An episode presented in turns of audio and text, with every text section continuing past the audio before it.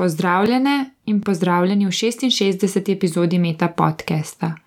Moje ime je Zarja in sem nov glas podcasta, v katerem imajo glavno besedo mlade slovenske raziskovalke in raziskovalci. Pred dnevi sem se odpravila na oddelek za etnologijo in kulturno antropologijo Filozofske fakultete v Ljubljani. Tam sem se pogovarjala z novim doktorjem znanosti Blažem Bajčem o zanimivi skupini ljudi. Nekateri izmed njih bodo v nedeljo zapolnili ulice Ljubljane, ponavadi pa jih v popoldnevih najdemo v Tivoliju ter na drugih tekaških poteh.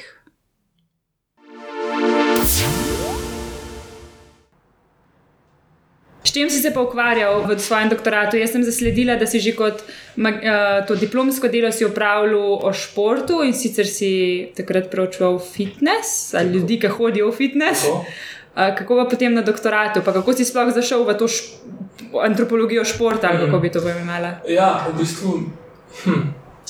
Zdaj, eh, v, v doktoratu sem se ukvarjal s tekom, oziroma tekači v Ljubljani, delamo tudi eh, v Kranju. In um, v bistvu moje zanimanje je bilo tle ne toliko povezano s samim športom, kot predvsem antropologijo telesa uh, in pa antropologijo prostora, ki so me že tudi prej zanimale ne, te teme. S tem, da v bistvu nekakšen šport je bil vedno pri roki, dokaj slabo je raziskan pri nas v antropologiji, in uh, se mi je zdela neka lepa priložnost, da bi to smer šel.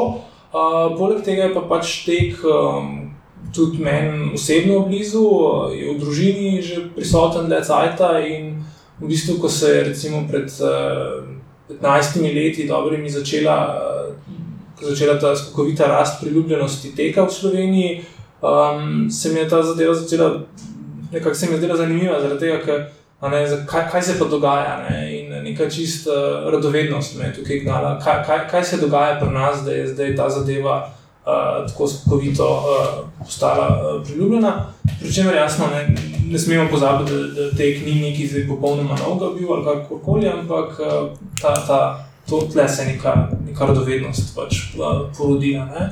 Zdaj, tekel pa je dobro združeval, kot sem rekel, ne, eh, te moje zanimanja, antropologijo telesa, antropologijo prostora, plus popularno kulturo. Um, jasno, tek je se odvijal zunaj, imaš določene pomene, določene, določene prakse, povezane s tem, kako se koncipira, dojema, doživlja prostor. In uh, je, je bil ta aspekt. Ne? Vse to je seveda povezano tesno s, teles, s telesnim gibanjem, z, z znavo okolja, z, z izkušnjami, ki se dogajajo med samim tekom. Uh, hkrati pa zadeva, uh, kot sem prej rekel, ne, uh, popularna kultura v tem smislu, da je to množičen pojav, da je povezan tesno z, z, z mediji, z industrijo in tako naprej. In se mi zdi, da je tako lep case study uh, teh uh, tem. Lahko mogoče malo bolj pojasniš, tako, kaj je to antropologija prostora? Malo si že omenil, da v bistvu si ti pač kot tekač, tekačica v nekem prostoru, kako ga začutiš, ali recimo mm -hmm. antropologija telesa in kako sta med sabo povezani. Če, mogoče meni je bilo kar jasno, kaj misliš kot antropologija, kot neka popularna kultura, ne, ko mm -hmm. si omenil medije in to, in da so pač, imaš tekaške revije, tekaške spletne strani, forume. Kaj pa je potem recimo res ta prostor, pa telo, ki si jo omenjal? Mm -hmm. Um, recimo, čisto konkretno, no, če govorimo o tem eh, v ljubljanskem primeru, pa v tem primeru teka. Ne, gre preprosto za to, da v bistvu določeni predeli uh, ali pa določeni m, mm, tipi prostora uh, dobijo močne pomene, ne, uh, dobijo in se delajo razlike med njimi. In nekateri prostori so koncipirani kot dobri, kot uh, taki, ki, ki oživljajo tele, telo in duha, ki uži, ne oživljajo človeka, dajo mu odlaj energijo, medtem ko nekateri drugi pa ravno nasprotno.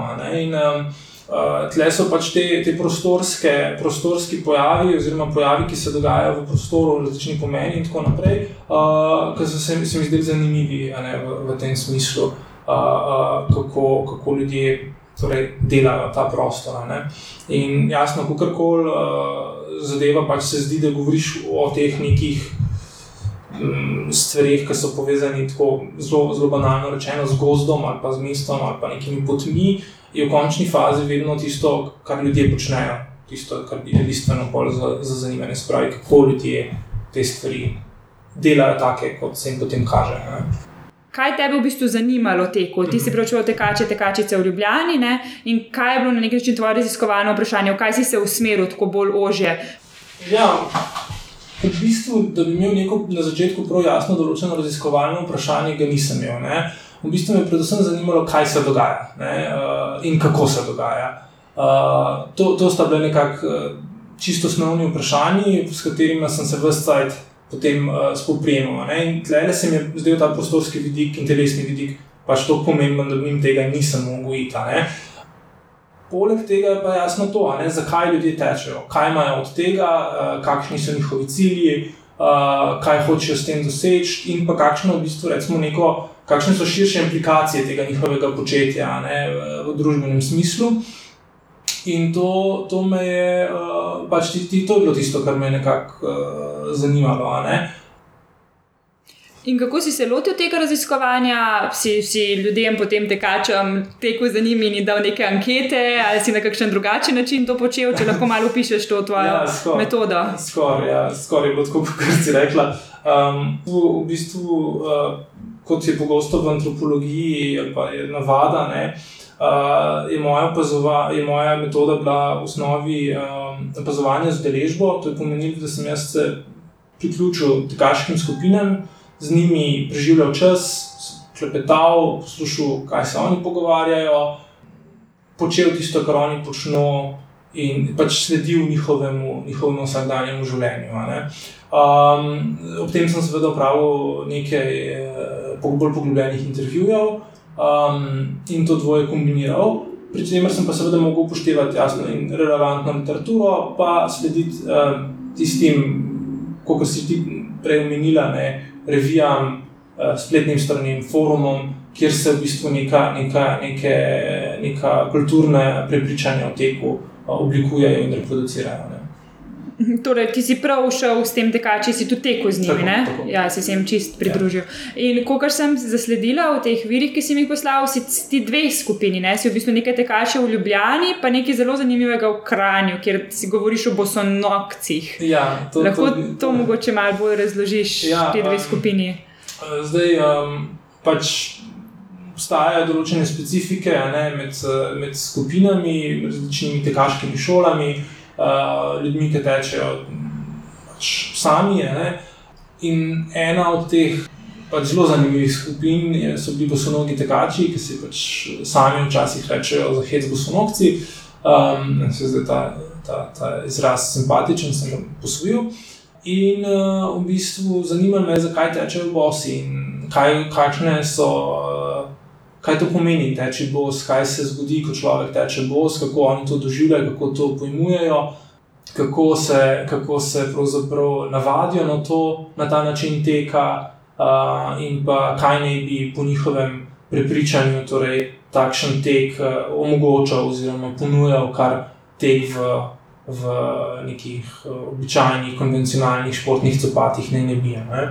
Um, tako da, ja, tam, tam je bilo nekatere zelo zanimive stvari so se izkazale, ki pa so pač pravzaprav sledijo v mogoče isti logiki, kot pri običajnih tekačih, samo da je še nekoliko bolj poudarjeno, uh, bolj kristalizirano uh, to, to, ta, ta kulturna prepričanja. Ne?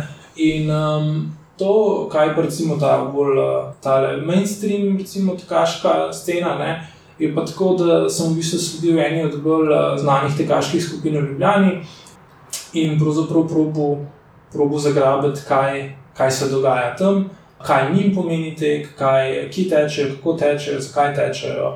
Pa lahko zdaj odgovoriš na vsa ta vprašanja? uh, to sem rabo kar velik strani, da sem prav to uh, uh, odgovoriti. Um, ampak uh, ja, na kratko bi bilo, probajo izboljšati svoje življenje uh, in pa zelo na kratko, ne bi bilo reči, da probati izboljšati svoje življenje in pa tudi deloma tudi uh, življenje, uh, pa recimo celotne, celotno družbo uh, s tem, ko teče, pri čemer se pač tudi celotna ta, ta uh, tekaška paradigma, recimo temu, nekako zapleta v to protislovje, da, da v bistvu individualizira vse, kar se dogaja družbenega. Ne, in, um, Beži v neke naravne, uh, pa recimo temu uh, se zateka v predstave v, o naravi, uh, ki pravzaprav služijo temu ustaljenemu redu. Ne.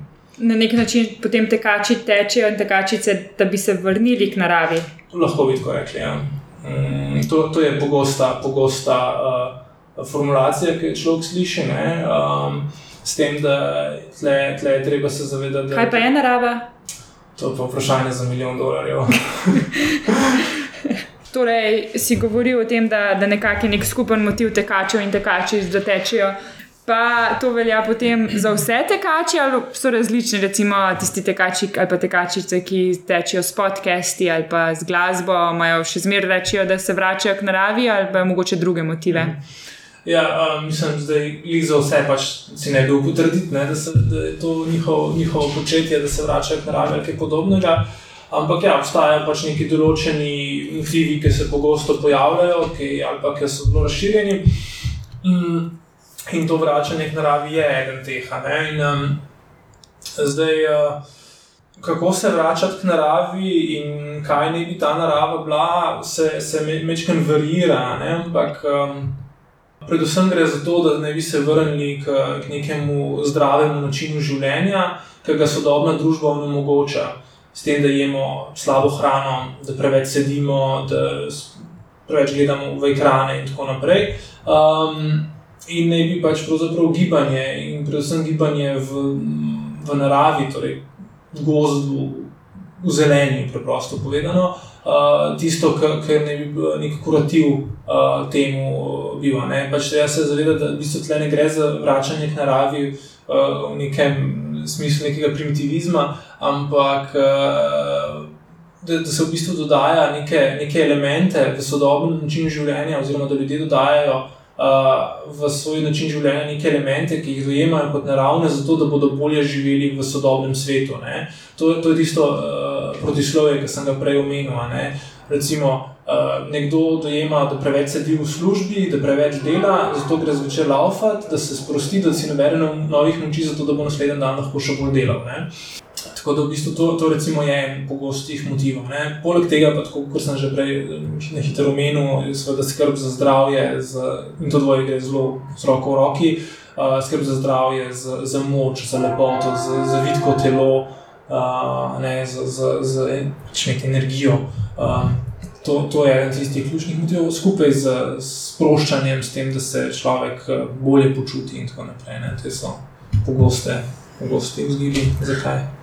Prej, čist na začetku, si v bistvu, ko si govoril o antropologiji prostora, si omenil, da so pač te prostori v Ljubljani, ne? ti si v Ljubljani tekel s temi tekači in tekačicami.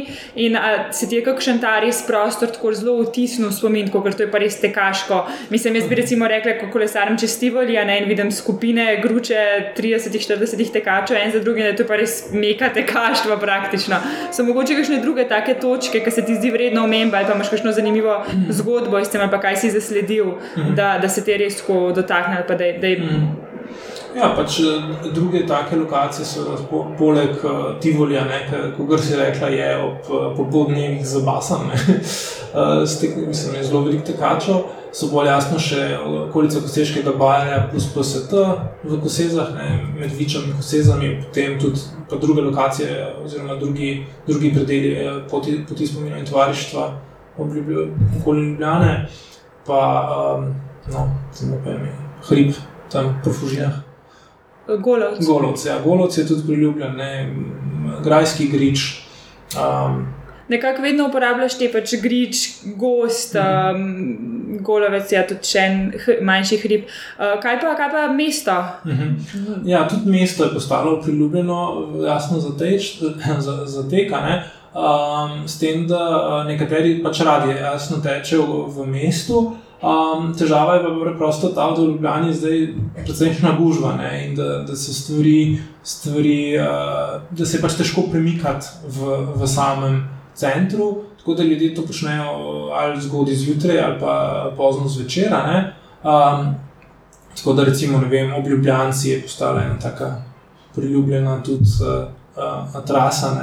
Um, in pa jasno, tekaške prireditve, ker se pravzaprav celo mesto podredi nekemu, nekemu tekaškemu dogodku. Ne? Ljubljanski maraton je tipičen primer tega. Zbrejo se ulice in ljudje tečejo po sredi ceste in je marsikomu to neko posebno. Posebno doživetje, posebna izkušnja, preprosto zaradi tega, ker so oni enkrat glavni, tam, kjer so sicer avtomobili. Ne? In pa jasno, seveda, da so to um, slavnostno vzdušje, muziko, gnečo, ljudje, ki navijajo, vsa ta atmosfera je tista, ki jim uh, pač pričara nek, nek poseben, uh, poseben doživetje. Ne? Um, kaj pa tekače motivira potem, jih te teki, skupinski teki motivirajo, če pravijo, zdaj bom trenira, trenirala do Ljubljanskega maratona, potem do Wings for Life, potem do teka trojk, česar koli. Jih to motivira ali ja, jim to no. nič ne pomeni? Je to res samo osebna, individualna želja, jaz pa tečem zase? Ja, marsikdo, marsikdo si tak cilj postavi. Ne? Zdaj bom pa treniral zato, da grem na 10, 21, 42, ne, na, na recimo Ljubljanskem maratonu. Um, in ga pač v tem, v tem času star preprosto zagrabi, ne, kot rečejo, in uh, potem nadaljujejo s tem. Uh, zdaj, tako, skupinski teki, oziroma v, v bodi si takih spontanih, uh, prijateljskih skupinah, recimo, in pa takih organiziranih, je pa ljudem preprosto fajn, zaradi tega, ker v bistvu um, se spremeni v druženje, ne, da se vidijo z, z kolegi, poklepetajo. Um, grejo potem mogoče na, na eno pijačo in je, je v bistvu nek, nek tek postane zabaven. In v tej svoji raziskavi si ti verjetno imel ljudi z zelo raz, raznolikim profilom. Se pravi, omenjaš neko zgodovinarko, potem nekoga, ki dela v nekem uradu, mm. v tistih svojih prispevkih, in verjetno tudi različne starosti in različne spole. Ja. Raz... Seveda, zdaj to, to drži, bilo je poklical vse živo. Ne? ampak eh, ima, je pa ena skupna lastnost. Ne? Gre večinoma za dobro izobražene ljudi, dobro situirane um, in pa ljudje, pravzaprav tako, no, zvedno več mladih teče.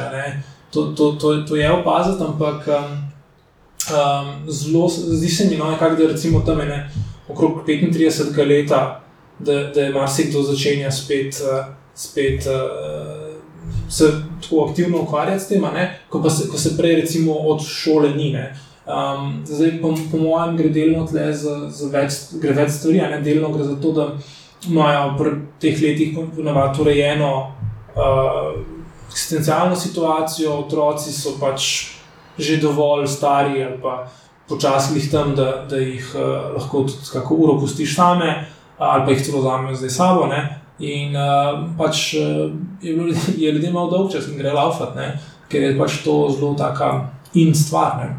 Um, Medtem ko, ja, ampak ni pa to nikakor omejeno, nobeno pravilo ni tega. Uh, imaš tudi starejše, ki se tako lotijo, imaš uh, ljudi, ki pač tečejo že cel life.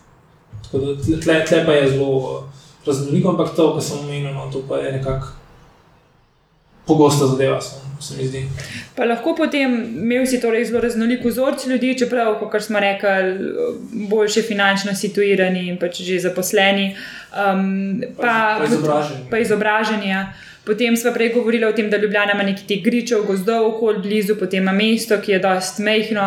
Lahko ti potem te nekaj izsledke, ker si te svoje spoznanja, ki si jih pač dobil prek te raziskave, misliš, da jih lahko nekako razširiš tudi na kakšna druga mesta, kraje, recimo vem, večja mesta, London, ali, pa, ali so samo zelo lokalna, kar si spoznal, ali je nekaj bolj univerzalnega. So, so določene usporednice ne, z drugimi kraji, so. so. Eh, gotov, um, so pa pač tudi lokalne specifike, oziroma so te, te recimo, splošnejši trendi, ki bi jih mogoče lahko, ki se reče, univerzalni, ne, pač, uh, lahko uh, pač razumel kot neko specifično lokalno manifestacijo tega. Um, zdaj, recimo v Londonu, ne, uh, te, te, to recimo pri nas.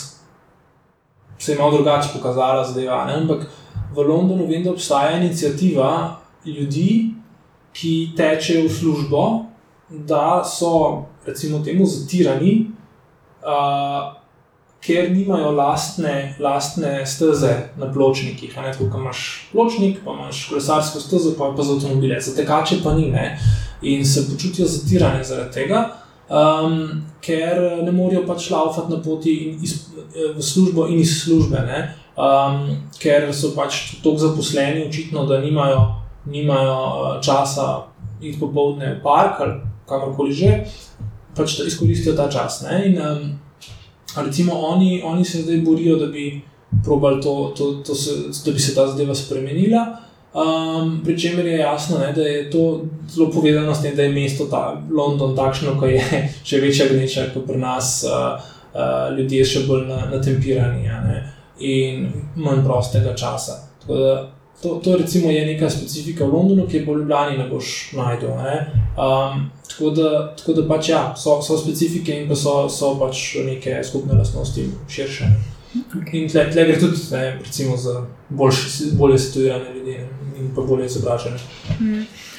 V svojih delih, teh prispevkih, ki sem jih prebrala, omenjaš tudi knjigo Born to Run uh mhm. -huh. in pa ta Kristoferja McDougla ja. in pa to idejo Daniela Libermana. Daniel Liberman je evolucijski antropolog, se mi zdi, da z Harvarda. Ja. In on, on ima neko idejo o tem, kako smo mi, naša stopala in cela naša telesa, nekako prilagojeni za, to, za ta um, vzdržljivostni tek. Imáš ti kakšen komentar na to? Um, zdaj, uh, kar se tiče teh uh, čist, uh, recimo, popolnoma čistih uh, evolucijskih idej, ki jih ima Liberman, si jaz ne upam pravzaprav soditi, ker to ni področje mojega zanimanja.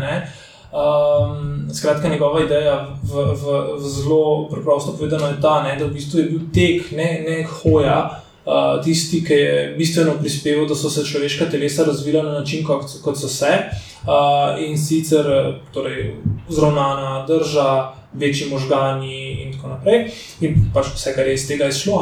Um, uh, pač to o tem si težko sodimo. Ampak uh, je pa res, da v bistvu na to idejo se je pripopalo pa cel kup enih uh, idej, ki so pa popolnoma. Uh,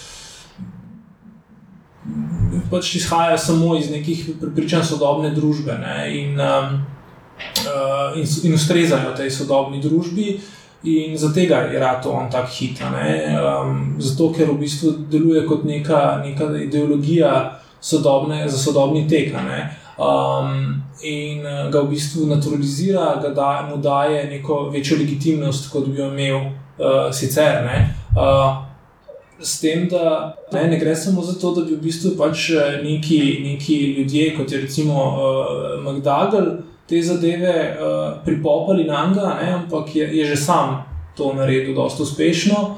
Um, in sicer eh, tudi v tej svoji eh, novejši knjigi, um, Zgodba o človeškem telesu, zgodba človeškega telesa, kako tako naslov, um, je pravzaprav zelo lepo tudi sam povzel te, te prepričanja sodobnega časa. Ne. Zdaj, aha, McDougall, ki si ga omenjala, je pa pravzaprav močno prispeval k popularizaciji njegove, uh, njegovega dela ne, in v tej knjigi uh, rojeni za tek. Ne? On pravzaprav, poleg tega, da predstavlja njegovo delo, uh, skratka, to, da je teči naravno, um, uh, predstavlja tudi uh, ekspedicijo oziroma tekmovanja, ki jih prirejajo v, v bakrenih kanjonih v severni Mehiki. Mm, in sicer pri ljudstvu Tara Humara, ne? s tem, da v bistvu ta, ta opis, ki ga uh, avtor ponuja tam, je izhaja iz dolge zgodovine mitologiziranja uh, tega ljudstva in reproducira te, te mite v zelo lepi meri, s tem, da pač jim daje neko tekaško preobleko. Ne. Kaj pa se počne to ljudstvo, tera humara v teh bakrenih, ja, kako si omenil? Ja, bakreni kanjoni. Ne? V bistvu oni so zdaj že kar nekaj časa znani kot, uh, kot zelo vzdržljivi. Mm tekači, kot uh, res lahko tečejo na dolge razdalje, brez problema. Mm, in uh, zaradi tega so ratali, zdaj je kul, cool, preprosto povedano. In te tečejo v nekih takih uh, zelo bornih uh, obuvalih, uh, kako se že imenujejo, hrače, te, te neki sandali. Uh, in um, je v bistvu ne bi ta. Uh, vse njihov način življenja je bil zelo pristen, zelo avtentičen in tako naprej. In um, da jih bi probali posnemati v določenih vidikih in da bi na ta način obogatili lastno življenje. Ne? Zato je ta knjiga uh, uh, tako kul, cool, tako priljubljena, ratala, Um, oni pa naj bi pravzaprav vse, kar bi počeli, je torej živeli, kot bi morali živeti. Torej, uh, zelo simpla hrana, veliko gibanja, veliko teka, uh, nobenih uh, teh umetnih stvari, spravi računalnikov in tako naprej. Um, s tem, da je v bistvu zgodovina tega, zakaj oni tam živijo in zakaj živijo tako, kot živijo, je pa zelo zminimalizirana v tej knjigi. Zdaj imam pa še zadnje vprašanje. Prej sem že omenila, da Blaž je že doktoriral, jih nedavno, kakšen dober mesec nazaj.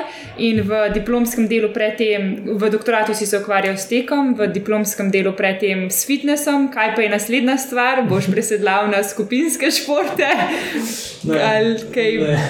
čisto drugačnega? Ja, čisto drugačnega. Ja. Mislim, da, da s športom se ne bom več ukvarjal na ta način, um, oziroma s športnimi temami. ne.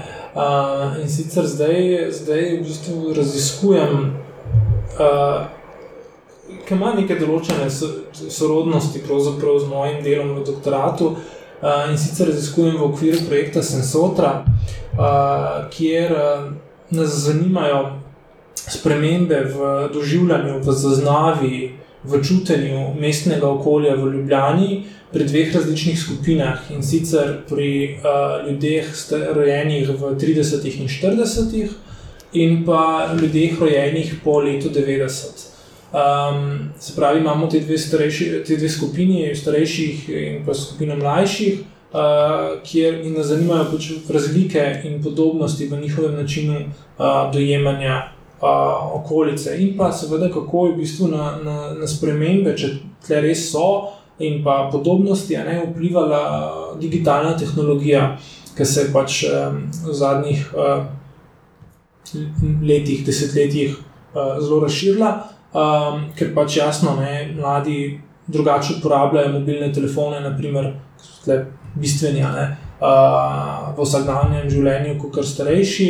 Uh, jih z njimi hodijo po mestu, gledajo v, v, te, v te ekrančke, in je v bistvu njihov način gibanja, način zaznave, predvidevamo drugačen. a ne. In zdaj v bistvu mi raziskujemo, kaj se tle pravzaprav dogaja. Um, tako da tle bo ena zelo zanimiva stvar še prišla ven. Uh, Uh, iščete ljudi potem za to raziskavo? Ja, seveda. Um, m, vseh zainteresirane vabimo, da si ogledate našo spletno stran, izpolnite tam obrazec in se prijavite k sodelovanju v raziskavi. Uh, mislim, da bo zelo zanimivo. Do zdaj vsi, ki so sodelovali, so rekli, da je bila zadeva prav zabavna.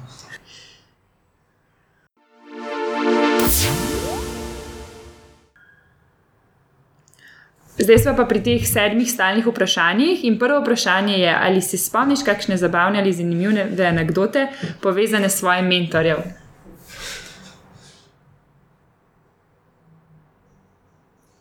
No, v bistvu je bilo celotno delo na doktoratu ena zabavna in zanimiva anekdota. Um, in sicer v tem smislu, da je bilo to res zelo plodno, zelo, zelo plodno sodelovanje, zelo inspirativno. In, ja, bi kar cel celoto, pač ni bilo neko suho, akademsko, ampak zelo, zelo, zelo, zelo zanimivo vprašanje. Kako so se od opisa do danes spremenila tvoja pričakovanja glede doktorskega študija in ali bi se ponovno odločil za doktorski študij? Če bi se že enkrat odločil, definitivno ja. Uh, definitivno ja. Um, pričakovanja. Hm, ne vem, sploh ne kakšne pričakovanja sem imel, tako da težko rečem. Si bil zelo tako fokusiran, raziskovanje, Ja. to je meni kul, cool, zanima Tako, me. Točno to, pač to bi rad počel, zato ker mi je to kul cool početi. In zdaj glih neka, da bi imel neke, neke hude aspiracije uh, ali pa neka huda pričakovanja glede tega, kaj naj bi mi drugi dal v študiju. Uh, ni, v bistvu se mi zdi bistveno to, no, da, da je. Da je dovolj okolje, da je okolje, ki ti, ti podpira, neko, ki ti daje neko pravo ravnovesje med tem, da sam delaš, kar ti paše, in hkrati te, te, te, te usmerja to, da ne zabluziš popolnoma. No? In to mislim, da je tle bilo, in pač Super. nimam kaj. Če bi imel priliko iti na kavo s predsednikom vlade, kaj bi mu predlagal, da izboljša na področju znanosti?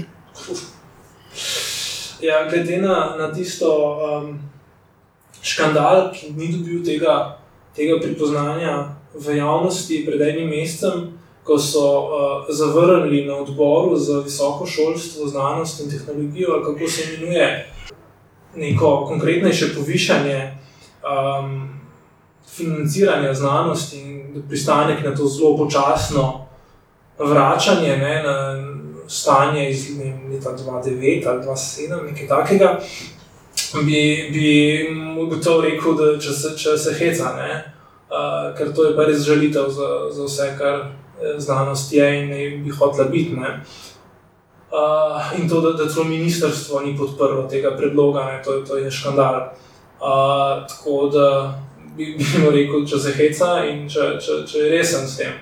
Uh, tako da bi rekel, zahteval seveda takošne povečanje sredstev za, za, za temeljne raziskave, za, da se ukine ideja uh, tega, kako se imenuje, institucionalnega financiranja, če se, če se ne motim. Uh, to definitivno ne se poveča za mlade raziskovalce, uh, ne se uh, poveča ulaganje v infrastrukturo v znanosti, mislim, to, to so nujne zadeve. Poleg tega pa je jasno avtonomija znanosti, ki gre skupaj s financami ne, v paketu. In uh, tle je tudi govor o tem, da je že itak slabunen govor o tem.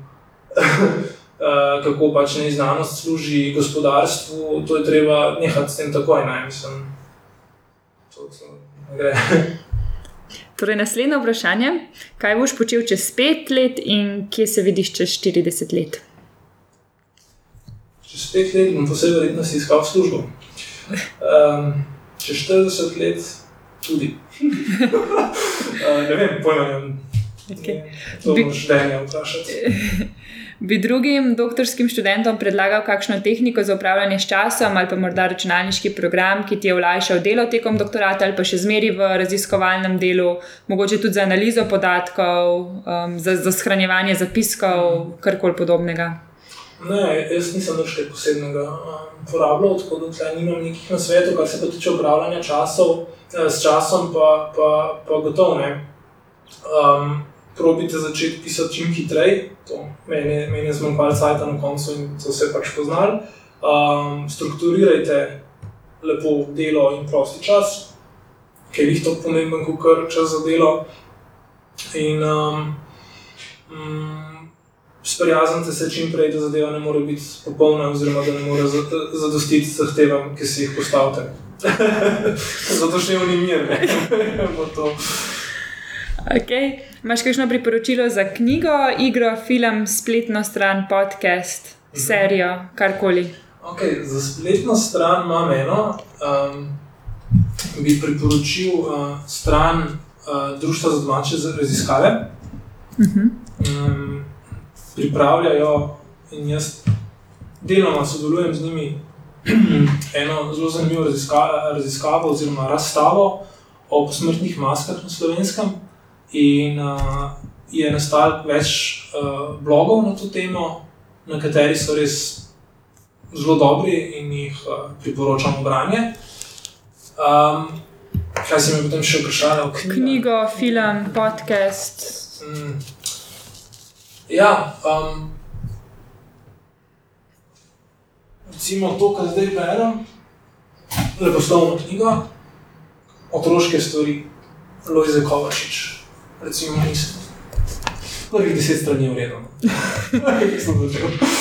um, recimo od knjig bom pa eno bolj staro, malo pozabljeno omenil, um, ki sem jih prebral prej že pred kakim letom, pa mi še vedno nekako navdušuje v ozadju, je pa uh, duševno in ročno delo. Mislim, da je tako naslov. Intellectual and manual labor je v angleščini, angliško sem bral, uh, Alfred Zonreiter. Um, no, zdaj pa še zadnje vprašanje. Koga od nam znanih ali ne znanih bi, po, bi povabil na večerjo, če ne bi bilo nobenih omejitev? Ne vem, ne vem smešno vprašanje. Ne, ne rečem. Uh, mogoče, ne, ne, ve, ne vem. Ko sem, ko sem šel, ja, ja, mogoče David Allen bi bil zanimiv, ampak. Ja, Hvala, Blaž. Ja, prosim. Poslušali ste Meta podcast. To je oddaja, v kateri se pogovarjamo z mladimi znanstveniki in znanstvenicami z različnih področji znanosti. Podcast domuje na spletišču metina.si, kjer najdete tudi druge zanimive znanstvene vsebine. Naše delo lahko podprete z donacijo Metini listi. Zahvalo boste dobili izvod knjige Zanimiva, navdihujoča, uporabna. Pohvale, pripombe in predloge lahko posredujete po e-mailu znanostafnametina.si.